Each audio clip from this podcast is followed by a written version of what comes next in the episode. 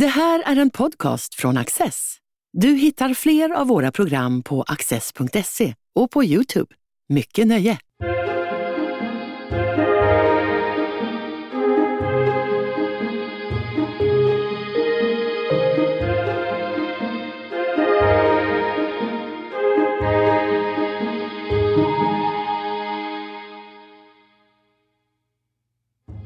Patientsäkerheten inom primärvården är en viktig kugge i samhällsmaskineriet.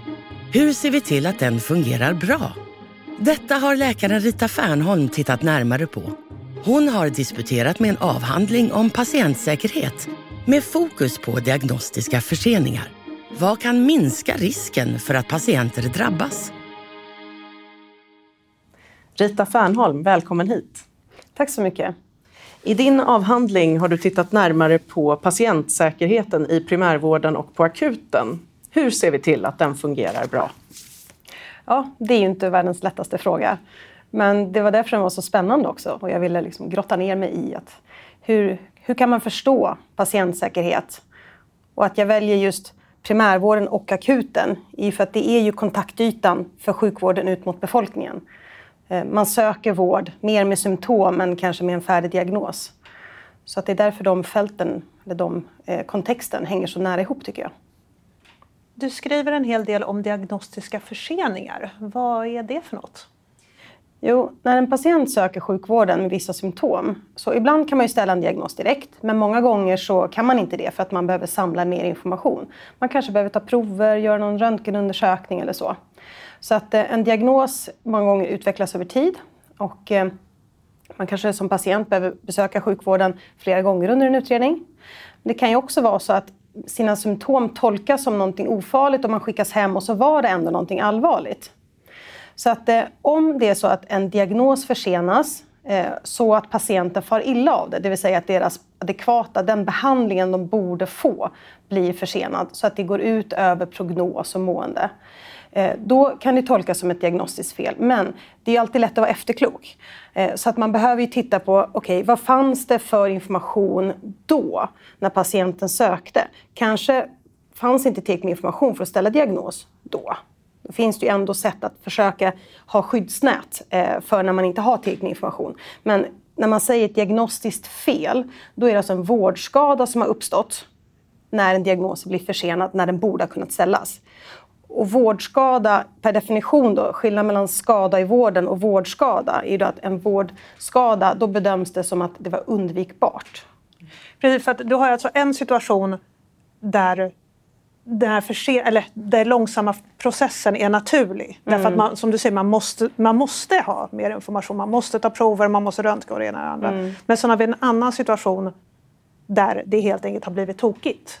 Ja, det kan vara att man söker kanske vårdcentralen för att man är trött och att eh, magen fungerar inte som det brukar och så tar man blodprover och eh, sen så påtittas inte de där eh, provsvaren. Men i provsvaren så är det en tydlig eh, blodbrist som är på grund av järnbristanemi. Alltså att man antagligen blöder någonstans ifrån. Det vill säga, det skulle kunna vara cancer i tjocktarmen.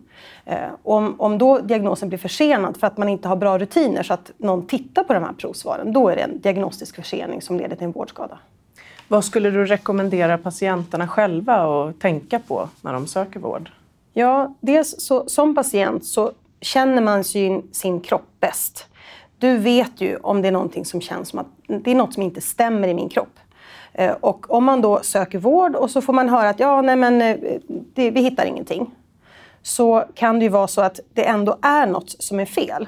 Så att eh, man inte tar det beskedet som att man inte behöver söka igen utan diskutera med doktorn. Att, ja, men jag känner ändå att jag har ju de här symptomen. Vad beror de på? Så att, eh, och att man ber att få, få kännedom om sina provsvar. Och det finns ju olika sätt. Man kan ju gå in i sin journal och läsa, man kan få ett brev från doktorn, man kan, vissa har ju chatt och så, men att, att man inte nöjer sig med att vi hör av oss om det är något. Har det blivit bättre med den nya tekniken skulle du säga? Eller har... Ja, men det tycker jag. Förut så skickades det ju alltid eh, alltså brevvägen var ju den vägen man hade. Eh, och eh, många tycker, läkare då, att, att det är för mycket jobb att, att skicka de här breven, även om man gör ett standardbrev. Och då var det ju många som använde att ja, men vi hör av oss om det är något. Eh, nu finns det ju flera vägar. Via mina vårdkontakter 1177 så kan ju läkaren skicka ett utgående meddelande. Dina prover är bra, har du några frågor? Eh, man kan, eh, man kan ju ringa eller skriva brev eller beroende på vad man kommer överens med patienten. Om man eh, frågar patienten till exempel att ja, eh, har du testat att gå in i din journal? Vet du hur man gör? Eh, ja, jo men det vet jag. Är det okej okay att du kollar av själv att det inte är stjärnor på något av svaren till exempel? Sen är ju det där med stjärnor är ju lite bedrägligt för att eh, ett provsvar får ju stjärnor om det ligger utanför referensområdet. Men det kan ju vara utanför referensområdet och helt okej. Okay, och det kan vara inom referensområdet men ändå behöver en åtgärd. Ett sådant exempel är blodvärde. Om man brukar ligga på 145 och sen har man plötsligt 123 i blodvärde. Då är ju inte det mitt rätta blodvärde. För det har sjunkit för mycket. Men det är fortfarande inom ramen för vad som är liksom normalområdet.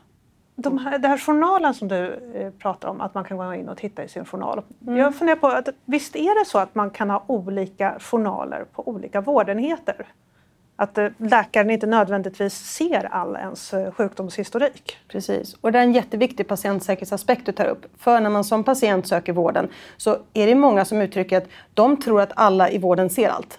Men vi har ju en lagstiftning för att skydda vår integritet som gör att vi ser bara vår egen sjukvårdsenhet. Och är det så att man eh, behöver se någon, någonting annat, då behöver man be om medgivande från patienten. Och man behöver veta att det finns någonting annat att se.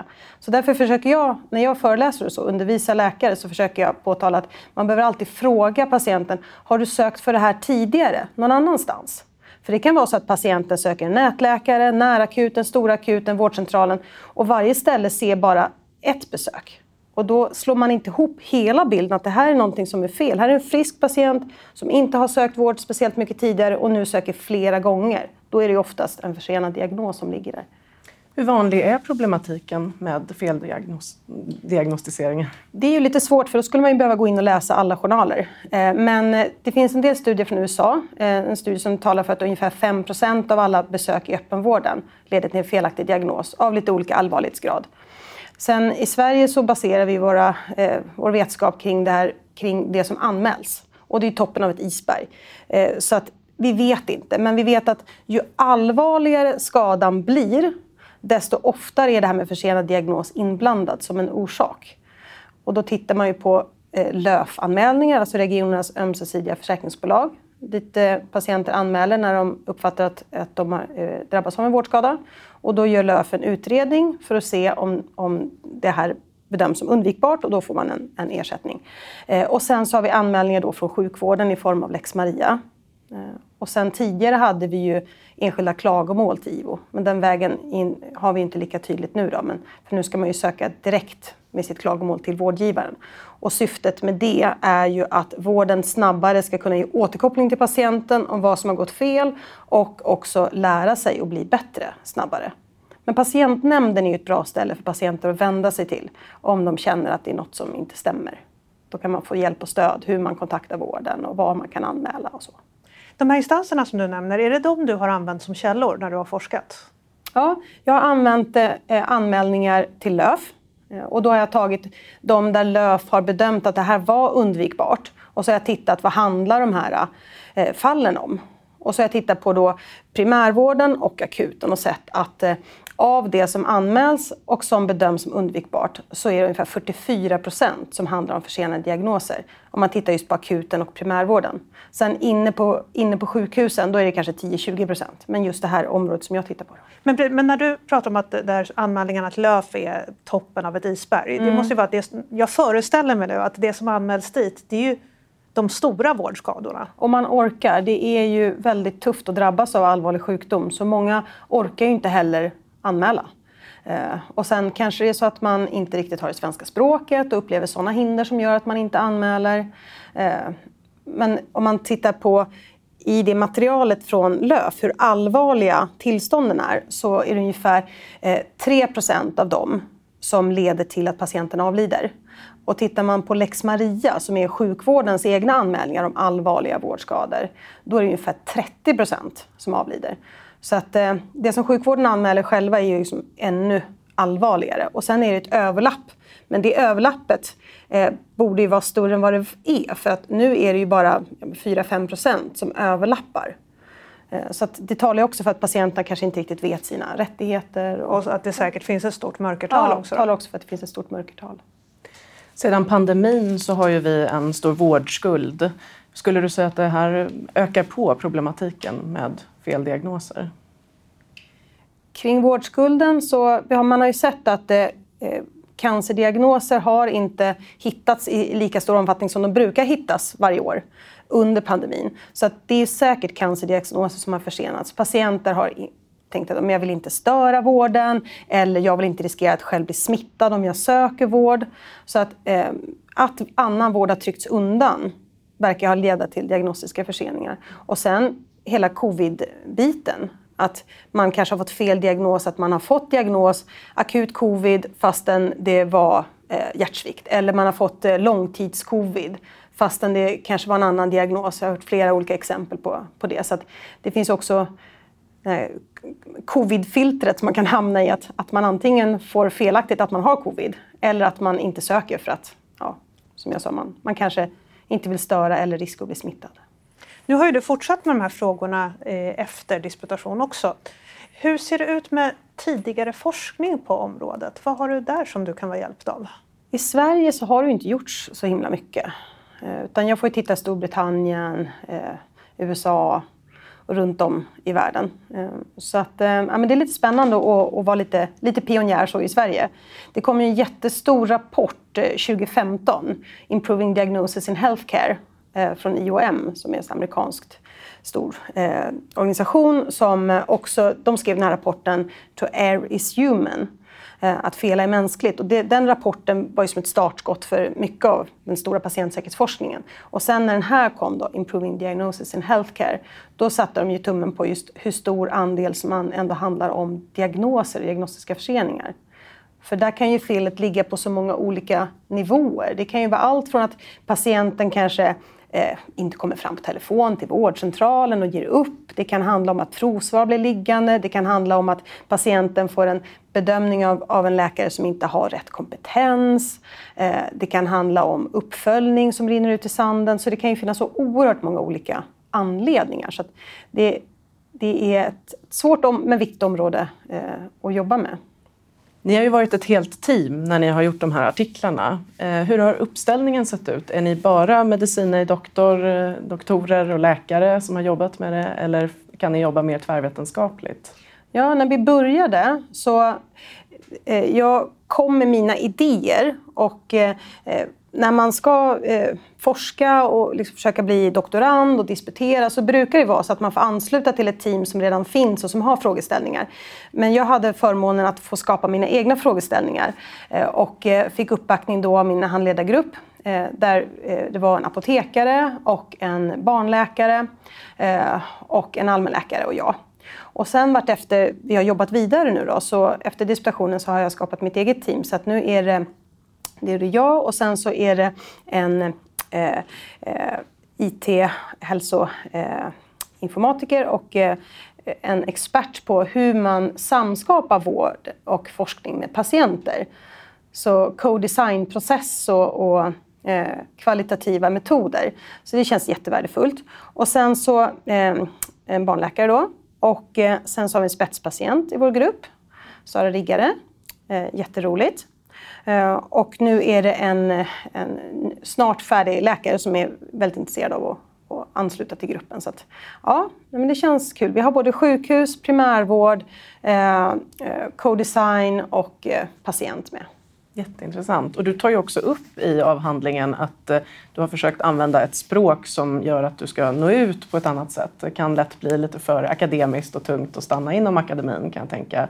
Men det är viktigt att sån här forskning kommer ut. Precis, jag kände när jag skrev att jag ville ha ett språk som, som är lätt att ta till sig oavsett varifrån man kommer när man läser avhandlingen. Eh, så att, eh, ja, en del tyckte att, att jag hade lite för liksom, oakademiskt språk, men jag körde på. Jag kan sitta och försöka föreställa mig situationerna som du skriver om. Eh, alltså om man sitter som läkare hos, eh, på primärvården, man sitter på en vårdcentral och man tar emot en patient eh, som kommer med diffusa symptom. Eh, det, alltså, det måste ju finnas tiotusentals diagnoser man skulle kunna ställa på, alltså på vissa symptom som är svårplacerade. Mm. Hur, hur, hur, jobbar man? Hur mycket är magkänsla, erfarenhet? Kan man sitta och slå i databaser på liksom vilka Eh, vilka diagnoser som passar vilka symptom. Hur gör man för att det ska bli rätt? Det måste vara jättesvårt. Jättesvårt och därför har vi också väldigt lång utbildning. När vi är i primärvården så eh, man bygger upp magkänslan över åren och det är att man samlar som en mental databas över alla patienter man har träffat och all litteratur man har läst och, och så vidare och vet var man ska söka ny information på nätet och så. Eh, men man jobbar ju mycket eh, när det fungerar som det ska med kontinuitet, att man eh, har sin egen husläkare som kan följa en över tid. Så om eh, man som patient söker med kanske trötthet eller huvudvärk, då är det viktigt hur utvecklar sig det här över tid. Så att eh, eh, då kollar man först av allvarliga varningsflaggor som finns för akut huvudvärk som måste handläggas inom en viss tid. Finns det tecken på att det är en hjärnblödning eller akut grön starr eller vissa saker som man måste ta direkt, så finns det ju tester för att försöka lista ut det. Sen när man har uteslutit det, då får man ju ställa en sannolikhetsdiagnos. Och ett sann sannolikhetsdiagnosen har ju sen då ett eh, förväntat förlopp. Och då bör man förmedla till patienten att nu, nu bedömer jag att din huvudvärk verkar bero på spänningshuvudvärk. Eh, så om, om du har möjlighet då eh, minska stressen i din vardag, kanske ta någon Alvedon vid behov. Men din huvudvärk bör vara borta inom två veckor, annars vill jag att du ringer mig. Och om du får en förvärrad huvudvärk eh, så att du inte kan gå till jobbet eller börja kräkas, då behöver du åka in till akuten. Så man är väldigt tydlig med vid vilka symptom ska du söka igen och på vilken vårdnivå. Ja, hur ser det ut där när patienter söker? Kommer de fel många gånger att hamna på akuten istället för när de skulle till primär, primärvården och vice versa? Eller närakut eller nätläkare. För att många vårdcentraler har ju problem med tillgängligheten. Så att eh, man har ett visst antal läkare och så försöker man organisera sig så man kan ta emot patienterna för att sköta sitt uppdrag att ge god vård till sin listade befolkning. Eh, och sen är det ju så att när man ökar antalet läkartider så man har, det går liksom aldrig att mätta behovet. Det kommer alltid finnas behov av att fler vill träffa läkare än vad som är vad det finns tider. Eh, men däremot ska man ju alltid kunna triagera, det vill säga man ska alltid kunna bedöma inkommande telefonsamtal, chatt och så vidare. Att alla som behöver höra av sig ska ha kommit fram för att säga vad som de tycker felas dem. Eh, så att vi i sjukvården kan prioritera vilka som behöver träffa läkare, vilka som kan träffa sjuksköterska, vilka som kanske behöver träffa psykolog. Många vårdcentraler har ett brett uppdrag nu och har flera, antal olika kompetenser. Men, men man måste kunna få komma fram till sin vårdcentral eller via 1177 på något sätt. För att annars så blir det ju inte en patientsäker vård. Och kommer man inte fram, ja men då kanske man vänder sig till en appläkare eller man kanske sätter sig på akuten och det är ju förstås jättetråkigt. Eh, och vi inom primärvården vi jobbar ju på att, att öka vår möjlighet. Vi, vi behöver ju mer resurser. Nu styr vi om enligt politiska beslut till en mer nära vård eh, och då lastar man över fler och fler arbetsuppgifter men vi har inte sett så mycket av de här ökade resurserna som ska göra att vi klarar uppdraget. Och för att klara uppdraget så behöver vi också fler allmänläkare och fler sjuksköterskor. Men de finns ju inte riktigt någonstans att anställa. Vi sätter ut annonser, det är knappt någon som söker och hittar man någon då tar man ju den från en annan vårdcentral. Så, ja. Och hur gör ni med patienter som kanske inte är kapabla att riktigt förmedla sina symptom. Jag tänker människor som kanske inte kan svenska jättebra, eh, människor med neuropsykiatriska störningar, olika handikapp. Hur, är det, går de till de vanliga vårdcentralerna? Ja, oftast är det ju så. Och det är ju en, en diagnostisk utmaning, verkligen. I min forskning så såg jag ju att, att, om man har till exempel en psykiatrisk diagnos satt de senaste åren, även om det bara är en, en lättare depression eller ångest, så är det dubbelt så hög risk att drabbas av en diagnostisk försening. Varför? Man, ja, det vet vi inte riktigt, men det finns olika teorier att eh, psykiska symptom tolkas som kroppsliga och tvärtom. Att kommunikationen försvåras. Eh, om man har eh, eh depression så kanske man står på någon medicin och då tänker man att kanske man har ont i magen eller huvudvärk eller man kanske är trött. Det kanske beror på medicinen. Eh, det kan också vara så att uppföljningen är sämre, att man säger men gå, gå på den här eh, röntgenundersökningen eller kom tillbaka om tre veckor. Och så gör inte patienten det, för att om du till exempel är deprimerad så har du en lägre initiativförmåga och då kanske du bara inte orkar göra de där sakerna. Och då skulle man behöva ha till exempel en kontaktsjuksköterska på vårdcentralen som just värnar speciellt om den här gruppen. Eh, som kanske har psykiatriska diagnoser eller som kanske har demens eller om det är språkliga problem. Att man då följer upp och det är inte bara vid en avbokning blir oh, lite luft i, i systemet utan att man då ringer och erbjuder en ny tid. Men är det här sånt som du, när du säger att eh, vården behöver mer resurser, är det sånt här som skulle behövas mer? För du säger också att eh, människor kommer alltid söka mm. mer vård. Att finns det mer vård att tillgå så kommer de ju söka mer vård. Mm. Är inte det någonting som anstränger systemet också? Jo, men om, man måste ju nå fram på något sätt. Så även om vi inte kan erbjuda en besökstid eh, till alla som vill ha en besökstid till läkare, eller sjuksköterska eller psykolog så ska i alla fall alla komma fram på telefon eller chatt. Ja. Eh, så att vi kan triagera. Och då är våra sjuksköterskor oftast väldigt duktiga på egenvårdsråd och att man får lite vägledning. Och det är inte alla som ringer som absolut vill träffa läkare utan det kanske är så att mm, mitt barn har haft feber nu i tre dagar, hur ska jag tänka? Man säger ju ofta att vårdsystemet är komplext. Vad menar man då? Ja, det är komplext för att hela tiden så tillkommer det ju ny information. Vården utvecklas hela tiden. Så att kunskapen om hur vi kan behandla saker eh, kommer ju hela tiden eh, nytt. Och sen så är det komplext för att eh, det är så många olika instanser. Eh, det är vårdcentraler, det, de är i regioner och i regionen så har vi också eh, appläkare, vi har ett laboratorium, vi har röntgen, vi har stora akuten och alla de här påverkar varandra mer eller mindre. Och sen påverkas allt det här av ersättningssystem, av lagar. Så att det är väldigt komplext eh, för att styrsystemen eh, skift, också med politi- eftersom det är politiskt styrt så skiftar ju också styrsystemen då och då. Så att eh, det, jämfört med att styra ett företag så kan man, är det svårare att ha en långsiktighet kring planering och så. Du har ju valt ett otroligt komplicerat ämne, mer komplicerat än vad jag förstod när jag läste din eh, avhandling. Eh, hur, eh, vad var det som gjorde att du började forska på just det här? Jag hade jobbat som specialist i allmänmedicin sedan 2007 eh, och så kände jag att ja, men, eh, först landar man i rollen, eh, man har sin lista, man vill ge så bra vård som möjligt och så började jag upptäcka att ibland så blir det inte som vi hoppas att det ska bli. Ibland så far patienter illa och ibland är det helt i onödan. Och det var ju väldigt frustrerande så då försökte jag lära mig mer om det och se vad är det som händer då, hur fungerar det här systemet? Så jag började med att gå en femdagars kurs i risk och händelseanalys. Och det väckte mitt intresse för det här området. Och sen hade vi en chefläkare som jag eh, frågade, ja, men de vårdskadorna som kommer in, då, vad är den stora bulken? Vad är det det handlar om mest? Och då så sa han, ja det är försenade allvarliga diagnoser. Men det är så svårt att ta tag i och det är så multifaktoriellt och, ja, och det är svårt att forska på. Så då tänkte jag att ja, men det kanske jag ska fördjupa mig i då. Ja, det här är svårt, det kan jag säkert. ja, men jag kände att det måste ju gå att eh, eh göra någonting åt det. Jag är väldigt... Jag är inte bara forskare, utan an, jag är ju väldigt mycket eh, problemlösare och jag vill fixa saker. Så att jag är väldigt engagerad också inom systematiskt förbättringsarbete och håller kurser i det. Eh, och det finns något som heter Improvement Science som han, det är forskning som handlar om hur man systematiskt förbättrar verksamheter. Men det är ju väldigt svår forskning för att då gör du inte en sak och mäter innan eller efter, utan du är där och pillar i systemet och mäter under tiden. Och då är det svårare att verkligen bevisa att det här berodde på det eller så. Eh, men det är ändå viktigt att man, man jobbar med de områdena.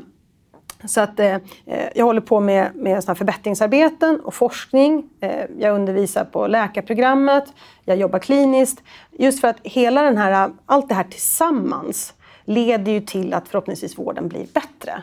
Men då gillar jag att vara liksom på olika nivåer och se att det liksom, allt leder dit. Vad finns det för skyddsmekanismer i vården för att, för att det inte ska bli fel? Ja, det är väl olika på olika ställen. Vi har många vårdcentraler, om vi pratar vårdcentraler så, så vad det gäller provsvar så har ju många vårdcentraler en skyddsfunktion att, att en läkare som medicinskt ansvarig har till uppgift att regelbundet gå in och kolla kanske en gång i veckan att det inte finns något provsvar som ligger och, och skvalpar som är bortglömt. Kanske någon läkare som har slutat eller som har blivit sjuk. Sen är det inte alla ställen som har en sån funktion en väldigt viktig skyddsfunktion är ju att patienten är välinformerad eh, och förväntar sig provsvar, eh, förväntar sig uppföljning, går in och läser sin journal. Eh, men vi ska inte lägga för mycket ansvar på patienten, för att det är egentligen vårdens ansvar. Men jag tror att om vi hjälps åt så blir det bästa möjliga säkerhet. Sen så kan safety netting är någonting som jag förespråkar som ett, eh, ett sätt att motverka. För om man söker, säg med huvudvärken då, att man sökte med huvudvärk och så trodde man att ja, men det här är, är eh, ofarligt, eh, men vi kan inte vara hundra på det att man då verkligen berättar det förväntade förloppet för patienten för den här arbetsdiagnosen. Att man är ärlig med att diagnoser är ju sällan hundraprocentiga. Vi tror att du har spänningshuvudvärk, men vi kan inte veta till hundra. Så att om det här eller det här händer så ska du söka igen. Eh, och jag förväntar mig att dina symptom har gått över på två veckor. För nu så säger ofta vården kom tillbaka om det inte blir bättre. Och det kan ju betyda precis vad som helst i mottagarens öron. Det kan betyda att någon eh, kämpar kvar hemma med brusten blindtarm för att de har ju varit hos doktorn och det var ju ingen fara. Eh, och någon annan kanske söker eh, direkt efter två timmar för att det pirrar lite i handen. Eller, alltså vi har ju så olika trösklar för när vi söker vård. Så att då behöver man vara väldigt konkret med vad man ska vara uppmärksam på och när man ska söka vård igen. Eh, avslutningsvis, nu har vi bara suttit och grottat ner oss här i när det blir fel och när det blir tokigt. Mm. Men hur ofta händer det egentligen? Oftast blir det ju rätt. Eh, det, det är så många eh, över 10 miljoner besök i primärvården varje år. Så att eh, oftast blir det rätt och oftast blir det bra. Eh, och det är viktigt också att lyfta fram, för vi kan ju också lära oss av det som går bra. Eh, att man stärker system som funkar, att man lär sig av varann, man sprider goda exempel. Så att eh, visst, det, det, är en liten, liten bit som går fel som jag har fokuserat på. Eh, men eh, man brukar prata om eh, Safety 1 som är ett begrepp att, att man just hittar fel och eh, okej, okay, hur kan vi åtgärda det här felet? Och sen tittar man på nästa fel. Uh, och sen finns det ett tänk som heter Safety 2 som är att vi ska titta på vad som går rätt och vad vi gör bra och så ska vi lära oss av det. Eh, det är lite svårare att använda rent praktiskt för att när det går bra, vilket ju är mer än 95 procent av gångerna, så vad är det i det här förloppet som gick bra som vi ska stärka? Eh, ja, men kanske att man tänker att ja, det var en bra kommunikation. Men det har vi lärt oss, för vi har märkt att när det är dålig kommunikation så blir det skador i vården. Och sen har vi Safety 3 som är mer att man ser systemet, lite mer systemdesign och att eh, vi har massa olika saker som händer i systemet sjukvården. Och effekten, eh, den sammanlagda outputen så att säga av systemet är eh, vård av god kvalitet då, förhoppningsvis. Men då när det är någonting som inte fungerar, säg att man har ett journalsystem där läkemedelsmodulen eh, är osäker. Det kanske går att skriva in, inte eh, 100 Alvedon, utan det går att skriva in 1000 Alvedon. Eh, det, om det, vi har sådana fel i rent det tekniska så blir ju outputen i systemet sämre. Eh, det kan man brukar prata om människa, teknik, organisation i ett system. Och I det här fallet då skulle tekniken vara journalsystemet. Organisationen, det kan vara ledningen och rutinerna, hur funkar de? Och sen människa. Det, sjukvården är ju kompetensintensiv och den baseras ju på att vi har hög kompetens.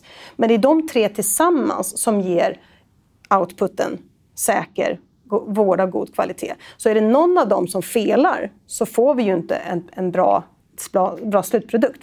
Så, så Safety 3 tänker mer på, på liksom hela systemet och att vi kan lära oss både av det som går fel, för då, det tydliggör ju risker i systemet som inte har varit tydliga kanske. Och sen att vi lär oss av goda exempel. Så sammanfattningsvis eh, så är systemet ändå hyfsat säkert. Men våra tittare har definitivt lärt sig att ställa frågor och kommunicera för sin läkare. Rita Fernholm, stort tack för att du har kommit hit och förklarat din forskning. Tack för att jag fick komma. Du har just lyssnat på en podcast från Access. Du vet väl att vi också är en tv-kanal och tidning? Teckna en prenumeration idag på access.se.